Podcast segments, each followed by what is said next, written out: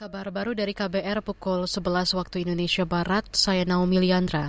DPR meminta aparat kepolisian menindak tegas pelaku pembubaran ibadah jemaat Gereja Kristen Kemah Daud di Lampung. Wakil Ketua Komisi Hukum DPR Ahmad Sahroni khawatir tindakan itu mencederai kerukunan antar umat beragama. Sahroni mengingatkan bahwa negara menjamin hak setiap warga melaksanakan ibadah.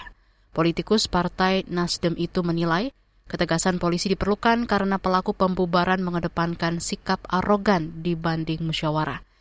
Sebelumnya aksi pembubaran ibadah umat Kristen di Lampung sempat ramai di media sosial. Aksi itu diduga dilakukan ketua RT setempat. LSM Peduli Lingkungan Ekoton meminta pemerintah memaksa industri untuk mengolah sampah hasil produksi mereka. Menurut peneliti Ekoton Amiruddin Mutakin, langkah itu bisa menjadi langkah efektif mengatasi sampah. Ini disampaikan Amiruddin bertepatan dengan peringatan Hari Peduli Sampah Nasional kemarin.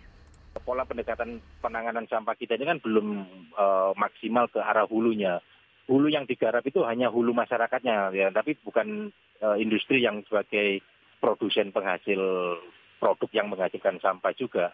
Jadi harusnya imbang itu kan ya. Oke kita ngerjakan masyarakatnya yang di hulu, uh, di bagian hulunya sorry di, di rumah tangga, tapi juga bagaimana industri juga harus ditekan ya kan ya untuk dia uh, lebih bijak dalam uh, menggunakan produk-produk atau saset bungkus-bungkus yang uh, digunakan untuk produknya. Ya. Peneliti Ekoton Amiruddin Mutakin menjelaskan ada sejumlah aturan yang dibuat agar industri mengelola sampah hasil produksi.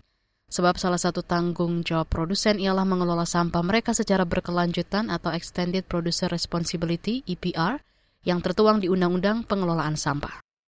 Presiden Rusia Vladimir Putin menangguhkan perjanjian nuklir dengan Amerika Serikat bersama Strategic Arms Reduction Treaty atau New START kemarin. Dalam pernyataannya di depan Kongres Federal Rusia di Moskow, Putin menuduh Washington mengembangkan senjata nuklir baru.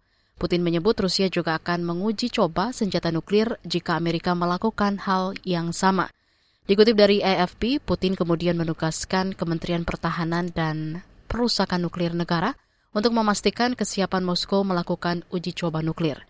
New START merupakan perjanjian yang mengatur dua persenjataan nuklir terbesar di Amerika dan Rusia.